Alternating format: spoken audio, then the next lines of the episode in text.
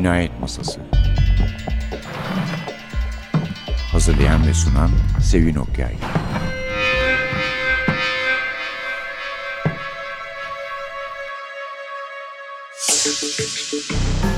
Merhaba. NTV Radyo'nun Cinayet Masası programına hoş geldiniz. Efendim geçen hafta Sibel Köklü ile başlamıştık. Aslında biz Çağan Dikenelli ile başlayacaktık ama galiba tekneyle açılma durumu falan oldu. Tekneyle Evet. kaçtım. Evet ama bu hafta konuğumuz oldu. Eksik olmasın. Çağan Dikenelli ile birlikteyiz. Hoş geldin Çağan. Hoş bulduk. Sizinle olmak ne kadar güzel Sevin Hanım. Şimdi çok teşekkür ederim. Şimdi Melek teyze polisiyelerinden sonra sen bayağı bir bilim kurgu diyebilir miyiz onlara? Ya Ne yazdın diyelim yani? fantastik, Fantastik evrenine bir adım attım. Ama bir sanki O pillerin kurgu tadı da aldım ben onlardan ya. Bilmiyorum ki. Bana mı öyle bir şey 17. yaptı? yüzyılda e, polisiye. e, Evet, evet, İki evet. tane karakter böyle naif bir hikayeydi o. Sonra Arakıl geldi. Arakıl evet. Arakıl'da şey İstanbul'da Beyoğlu'nda geçen Fantastik Arakıl diye bir yaratığın maceraları böyle. Sonra yarışmadaki kitaplar Post. değil mi? Efendim? Başka bir kitap yok muydu? Bir tane daha var. Şimdi en son 6-7 tane var zaten. 2042 sıfır yılı geldi Onu biliyoruz canım. Evet. Onu yeni okuduk. Arada yani. başka bir kitap girmedi herhalde ya. Girmedim araya. Arakıl'dan sonra hemen bu. Arakıl'dan sonra o. Hemen dediğim yani ondan Ben sonra yazdım bu. da 2042 sıfır yılı basıldı. Başka bir kitap var elimde.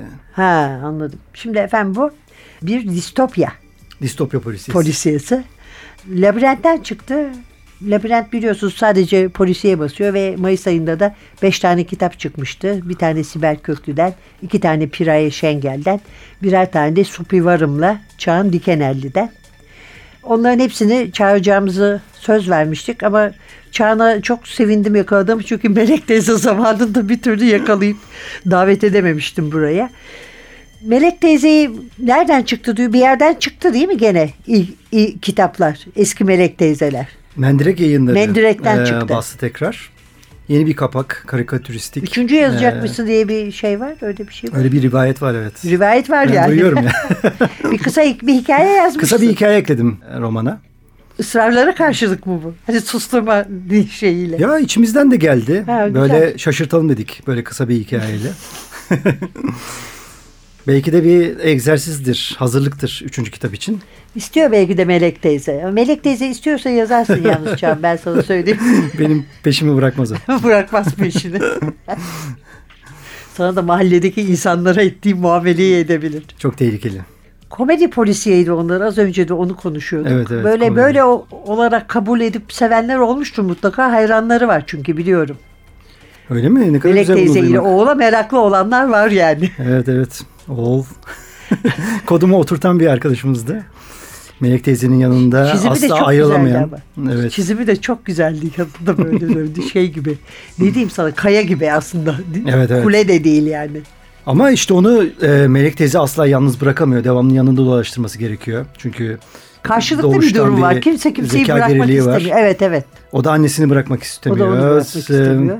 Böyle yapışık ikiz gibi dolaşıyorlar. Yalnız şehrinden korunmakta fayda Bu da var. herkes tabii. için çok tehlikeli oluyor işte. Ne zaman yazdın onları? İlk ne zaman başladın Çağan?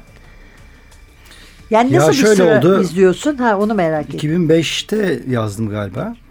Ondan sonra Macera Press onu kabul ettikten sonra Evet onların bir- Macera Perest'ten çıktı hatırlıyorum. bir kuralı vardı. Mutlaka serilerde iki tane yazmak gerekiyordu. Ha, Yani iki tane yazdım. İkisini de basmak istiyorlardı. Seri e, kendini bulsun, yolunu bulsun diye öyle bir kural getirmişlerdi Raşit Çavaş e, zamanında. Yaz dediler ikinciyi. Ben de giriştim. Yani ikisini birden yazıp çıkartmak Yazıp e, durumunda çıkar. kaldım. Evet. Tamam gene konuşmaya devam edeceğiz Melek teyze. Kısa bir aradan sonra.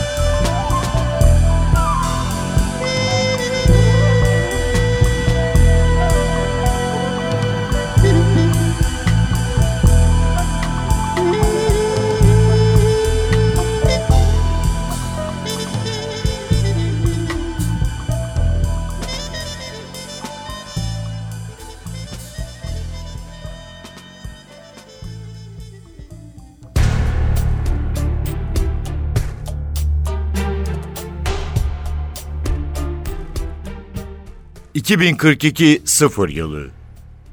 Tüpün içinde Taksim meydanından başlayıp şiş diye uzanan ışık deryası ayaklarımın altında kıpırdaşırken karımı ne kadar özlediğim geldi aklıma. Sarı saçlarının parlaklığına batmış, yüzündeki o sakin gülümseme kompartımanın içine yayıldı birden. Kokusunu bu derece yoğun bir şekilde anımsayabilmeme her seferinde şaşırabiliyordum. Kim bilir kimin kokusunu atfediyordum onun görüntüsüne. Oğlumun çimenlikte oynarken bana dönüp bağırdığını gördüm sonra. Oyuna çağırırken o velet suratına yerleşen kararlı, beni her daim güldüren ciddi ifadeyle içimde bir şeyler cız etti. Ve Sten'e lanet okudum. Olayı bana yüklemekte fazlaca istekli olduğunu biliyordum. Neler döndüğünden bir şekilde habersiz olsa da aklımın bir şeylere takıldığını algılamış olmalıydı. Ya da Ersin'in jurnalcilik hızını küçümsemiştim. Baha'nın altı yaşındaki güzeller güzeli kızını atladı zihnim birden ve güçlükle çekip aldım onu oradan. Alıcım vücudumu titretti o esnada. Ablam da arayan. Bir an tereddütte kalsam da bağlantıyı açmaktan alamadım kendimi. Erkeksi ve kemikli olsa da kocaman ışıl ışıl gözlerle yumuşayan alaycı yüzü netleşti karşımda. Müsait misin? Değilim. Geliyorsun değil mi yarın? Ne yemek yapacaksın? Ne herifsin be? Ne istersen işte. Yeter ki gelsen. Kocan neyi sevmiyorsa onlardan yap. Suçu üstüne alırsan olur. Seve seve. Gıcık suratının morardığını görmek bazı riskleri almaya değer. Zararlı çıkan sen olacaksın nasıl olsa. Tufan da çok özledi seni. Yarın salak bir mazeretle beni arama sakın. Hiç aramazsam mazerete de ihtiyacım kalmaz. Küfürleri ardı ardına sıralarken bağlantıyı kapattım ve tam da o anda bir şeyler hissettim. Belki bir hışırtıydı beni dehşete düşüren ama emin değildim. Olmam da gerekmiyordu. Tüylerim diken diken olurken kendimi hem havaya hem de yana attım. Parabellum elime konu vermişti ve karşımda bomboş görünen sıranın her yanını tarıyordu hiç durmadan. Ortaya çık diye bağırdım. Bağırışım sesleri yutan tüpün içinde pek de etkili olmadı. Altımdaki şehir koca bir mezarlıktan farsızdı. Korkmuştum.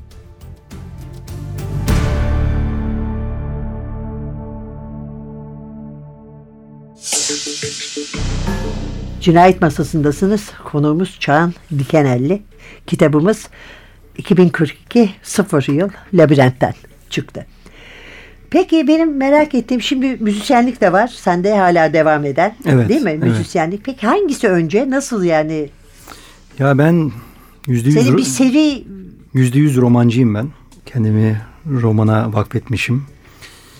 Müziği çok seviyorum ama. Yani hiç kesmedim onu. Devamlı bir arayış içinde oldum. Devamlı birilerini bulup bataklığıma çektim. en son üç, üç arkadaş evde oturup böyle e, genelde kübez üstünde sahne şeye çıkmadan sahneye çıkmadan tamamen üretime odaklı bir şey yapıyoruz. Ghost Comrades diye bir grubumuz var. Onunla üç tane parça ürettik. En sonuncusu şey oldu. E, Future Revolution isminde. Yine 2042 civarlarında ya da biraz önce yaşanmış, bütün dünyaya yayılmış bir devrimi anlatıyor. Orada bu kitapta geçtiği gibi hayalet yoldaşlığı ve kara sendikanın doğuşunu hı. aslında şarkı olarak anlatıyorum. Böyle bir tematik Ha. şarkı kitabın yaptık. kardeşi sayılabilir o zaman. Kardeş. Peki Gamlı Baykuş bitti mi yani? o bitti. Bitti. Aynı Ne ekiptik aslında da. Aynı e, ekipsiniz ha. Ama o bayağı geri- sürdü değil mi? Ben yani Bayağı sürdü. O da devamlı üretim odaklıydı. Evde Cubase başında üretim odaklı. Tematik işler yapmaya çalışmıştık. Ama ben Kanada'ya gidince ilginç bir şey oldu. Orada Skype üstünden ya da Uvu üstünden üçümüz de ayrı yerdeyken müzik yapmaya başladık. Biraz zor oldu ama hem üretim Faydası oldu mu? oldu. Hem üretim şek- şekli değişti. Hem isim değişti hem tür değişti. Her şey, Her şey belki de ona bağlı olarak değişti.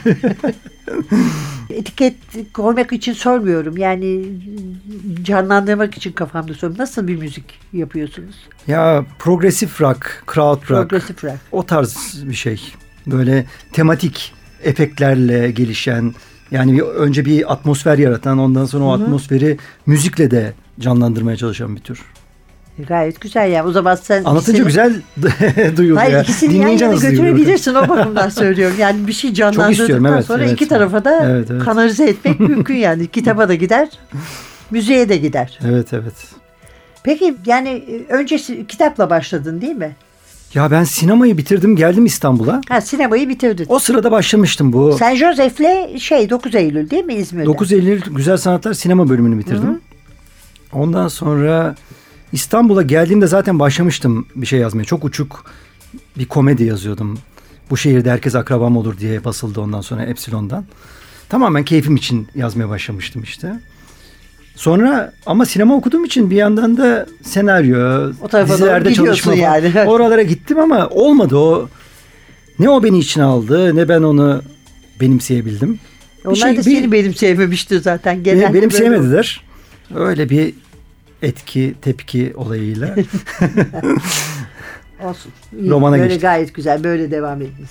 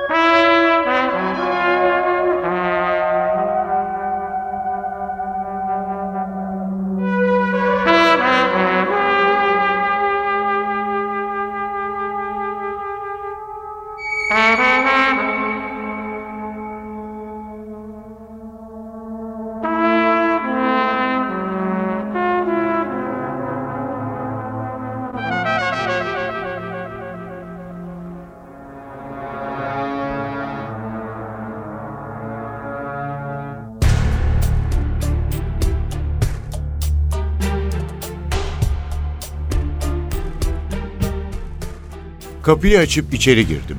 Gürültü artık komşuları dışarı çıkaran bir şey olmaktan çıkmıştı. Kimsenin birbirine güveni kalmamıştı.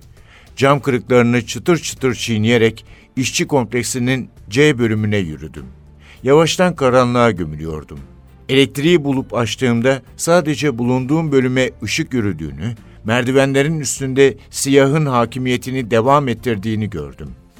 Temkinli adımlarla merdivenden çıkarken başımı uzatıp boşluktan yukarıya baktım. Beşinci katta da açıktı otomat.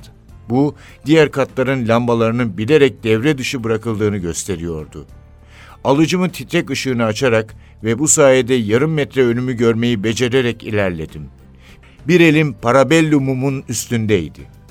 Karanlığın içinde sakladığı belirsizlik, nefret ettiğim şeylerin başında gelirdi. Üçüncü kata çıkışım sürerken koridorun ışığı tamamen terk etmişti beni.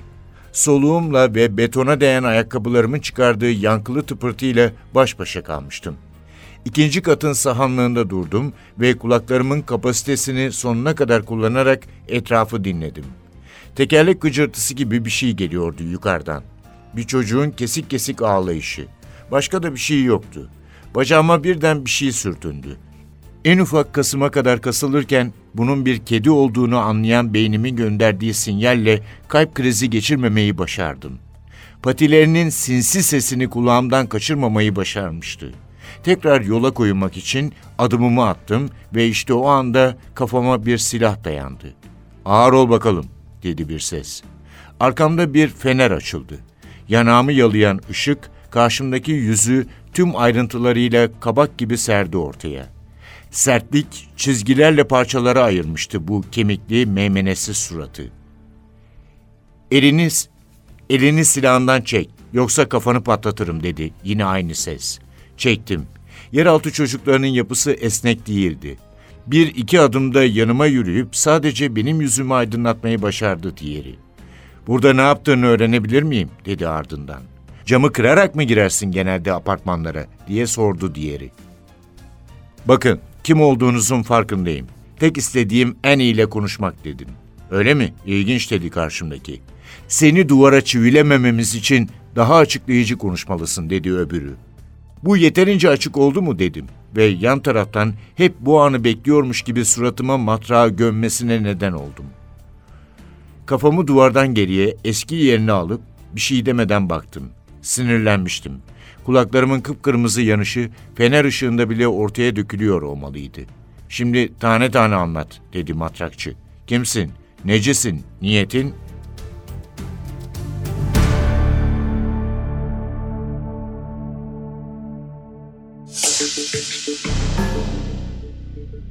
Çağan Dikenelli. Kitaptan konuşalım biraz. Kitap için Konuşalım. çağırdık. 2042 sıfır yılı. Buyurun ben şahsen metini çok tuttum. Çok sağ olun. Karakter olarak. Yani ben belki ona başka bir son yazardım ama gene de. Olabilir evet. ne nasıl oldu? Belki de açık bırakmak lazım sonları Evet ya. evet sonunu açık Son bırakmak yok. iyidir. Herkes kendi Sen yazsın. anlatır mısın bir kısaca? Ya bu 2042'de geçen bir distopya polisiye. Dünyayı yani işte hani hayal et. Metin diye bir karakterimiz var. ICU'da çalışıyor. Bu uluslararası davalar ya da uluslararası şirketleri ve uluslararası önemli kişilikleri koruyan bir büro. Yani onların 3. dünya ülkelerindeki haklarını koruyan, onlara özel dedektiflik hizmeti veren bir büro. Onun dedektifi yakından beraber çalıştığı ama hiç görüşmediği Gölge diye bir karakter var. O da macerada kendisine devamlı eşlik ediyor. Ama büro görüşmelerini yasaklamış. Tamamen arkasını toparlayıcı bir karakter olarak. Birbirlerini tanımalarını bilmelerinin sorunlar yaratacağı söylenmiş Yani onlara. gölge olarak görebiliyor sadece. Ancak gölge olarak zaman. sadece Yüzünü konuşuyorlar. bile görmüyor yani. Çip olarak devamlı beraberler aslında. Evet. Ama evet yüz yüze görüşemiyorlar. Gerçi bunu daha önce bir kere delmişler. Bir karakter de tabii ki bilgisayarı, Kurt ismindeki bilgisayarı da eşlik ediyor devamlı kendisine.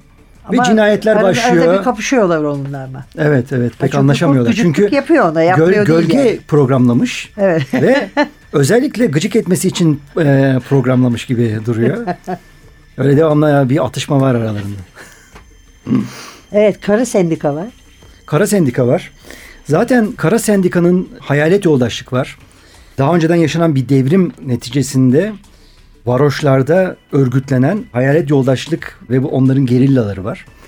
Yani aslında çok modern bir şehir olarak karşımıza çıkarken İstanbul aslında ikiye bölünmüş durumda. Yani e, yasak şehirler var, girilemeyen yerler var.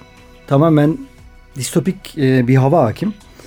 Büyük de bir felaket geçirmiş ama değil mi? Büyük de bir felaket geçirmiş ve, Ve onun beton şeyi halinde yani. beton şehir Beton şehir. görebiliriz. Evet. Tabii güzellikleri de var hala Var ama tabii, tabii.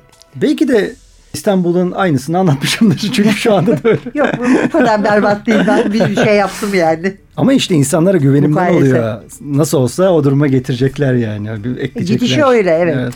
Evet. Yani olay şeyle başlıyor. Kara Sendika'nın başındaki kendini bu tamamen ruhani bir şekilde sosyalizmi yayma olayına adamış avukatın öldürülmesiyle başlıyor. Ve Metin komiserimize ayrı bir görev yüklemeye çalışırlarken bir yandan da bu olayın izini sürmeye devam etmeye çalışıyor. Ee, ICU'da tabii bu çatlaklara neden oluyor. Konu böyle tam olarak açıklayamıyorum konuyu çünkü çok karmaşık yani. Ama zaten öyle açıklamaya gerek yok. Yani ben bir atmosfer Evet, evet. olarak bir neler var diye açıkladım. Peki.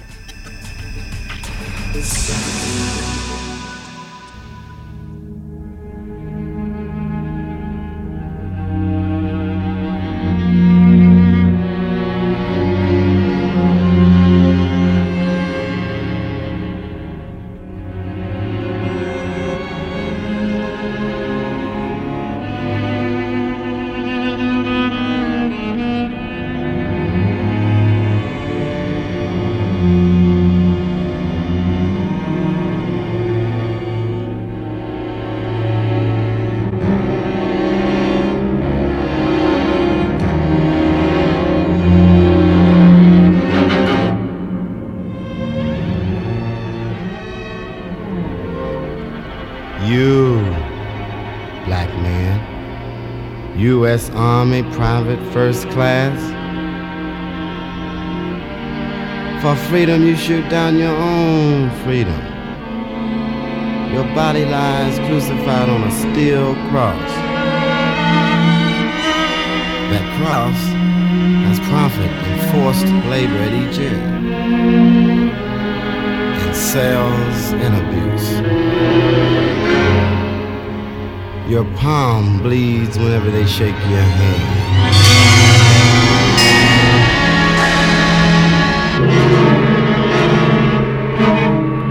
Who are you on the tongue of these hills which might go loose? You, black man, U.S. Army Private First Class. You are the night which has locked itself into dark.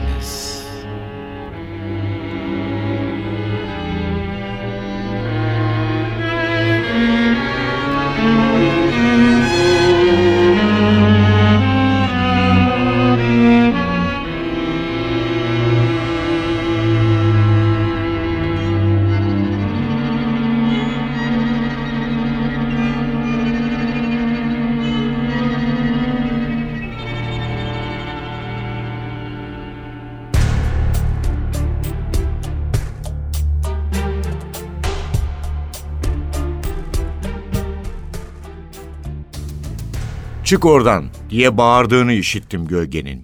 Büyük bir çabayla yan döndüm. Ellerimi yere koyup kıçımı havaya diktim. Dizlerimi tabana yerleştirip kendimi arkaya doğru ittim ama ayakta değildim. Ters tarafa düşmüştüm. Müthiş bir telaşla yine çevirdim vücudumu. Kapsüle yapışarak kalktığımda hareketin başladığını hissettim. Paniğin yardımıyla tekrar vücuduma dolan gücü kullanarak kendimi platforma çektim. Sürünüyordum ve bunun ne kadar iyi bir seçim olduğunu anafor başladığında anladım. Ayakta olsam uçup gidecektim büyük bir ihtimalle. Bacaklarımı artık tabanda tutamıyordum. İnanılmaz bir korkuyla ayaklarımı yere vurup kendimi ileriye attım. Vücudumun yarısından fazlası normal bölgeye geçtiği için anafor beni bir topaç gibi çevirip holün içine yolladı. Orada bir dakika kadar yattım. Kurtulduğuma inanamıyordum. Bu kadar geri zekalı olduğuma da. Her yanım titriyordu ve kusacak gibiydim. Cam duvarlara dayanarak ilerledim. Delisin sen dedi gölge. Kaybetme onu dedim. Boğuk ve anlaşılmaz bir sesle. O da burada indi. Aşağıya metroya doğru gidiyor büyük bir ihtimalle. Yetişebilir miyim? Şansım var. Olmadı metronun da peşinden atlarsın. Sağa sola yalpalayarak asansöre bindim ve eksi bire basıp yere çöktüm. O değerli nefesleri beni yorgun düşürecek denli sık alıyordum. Alışveriş merkezindeydik. Zemin katta bir aile bindi içeriye. Onlara aldırış etmedim. Zorlukla ayağa kalkıp dışarı çıktım. Sol dizimde müthiş bir ağrı vardı ama hareketlerimi kısıtlayacak bir şey değildi. Başımdaki uğultu aynı şekilde duruyordu. Dengemi kaybedeceğimden korktuğum için yavaştan başlayıp çok geçmeden büyük bir hıza kavuştum. Turnikelerin üstünden atladım. Arkamdan bağıran görevlinin sesi belli belirsiz ulaştı kulağıma. Ve kalabalığın orada beklediğini görünce yavaşladım. Keyfim yerine gelmişti. Şöyle bir kendime bakayım dediğimde inanılmaz bir manzara ile karşılaştım. Gömleğim tamamen dışarıdaydı ve iki düğmesi kopup gitmişti. Pantolonumun sağ bacak iç dikişi patlamış, aradan dizliğim görünüyordu. Üstümü başımı düzeltebildiğim kadar düzeltip montumun fermuarını yukarı çektim. Oldukça gergindim. Hem katili ürkütmemek hem de kim olduğunu bulmak zorundaydım.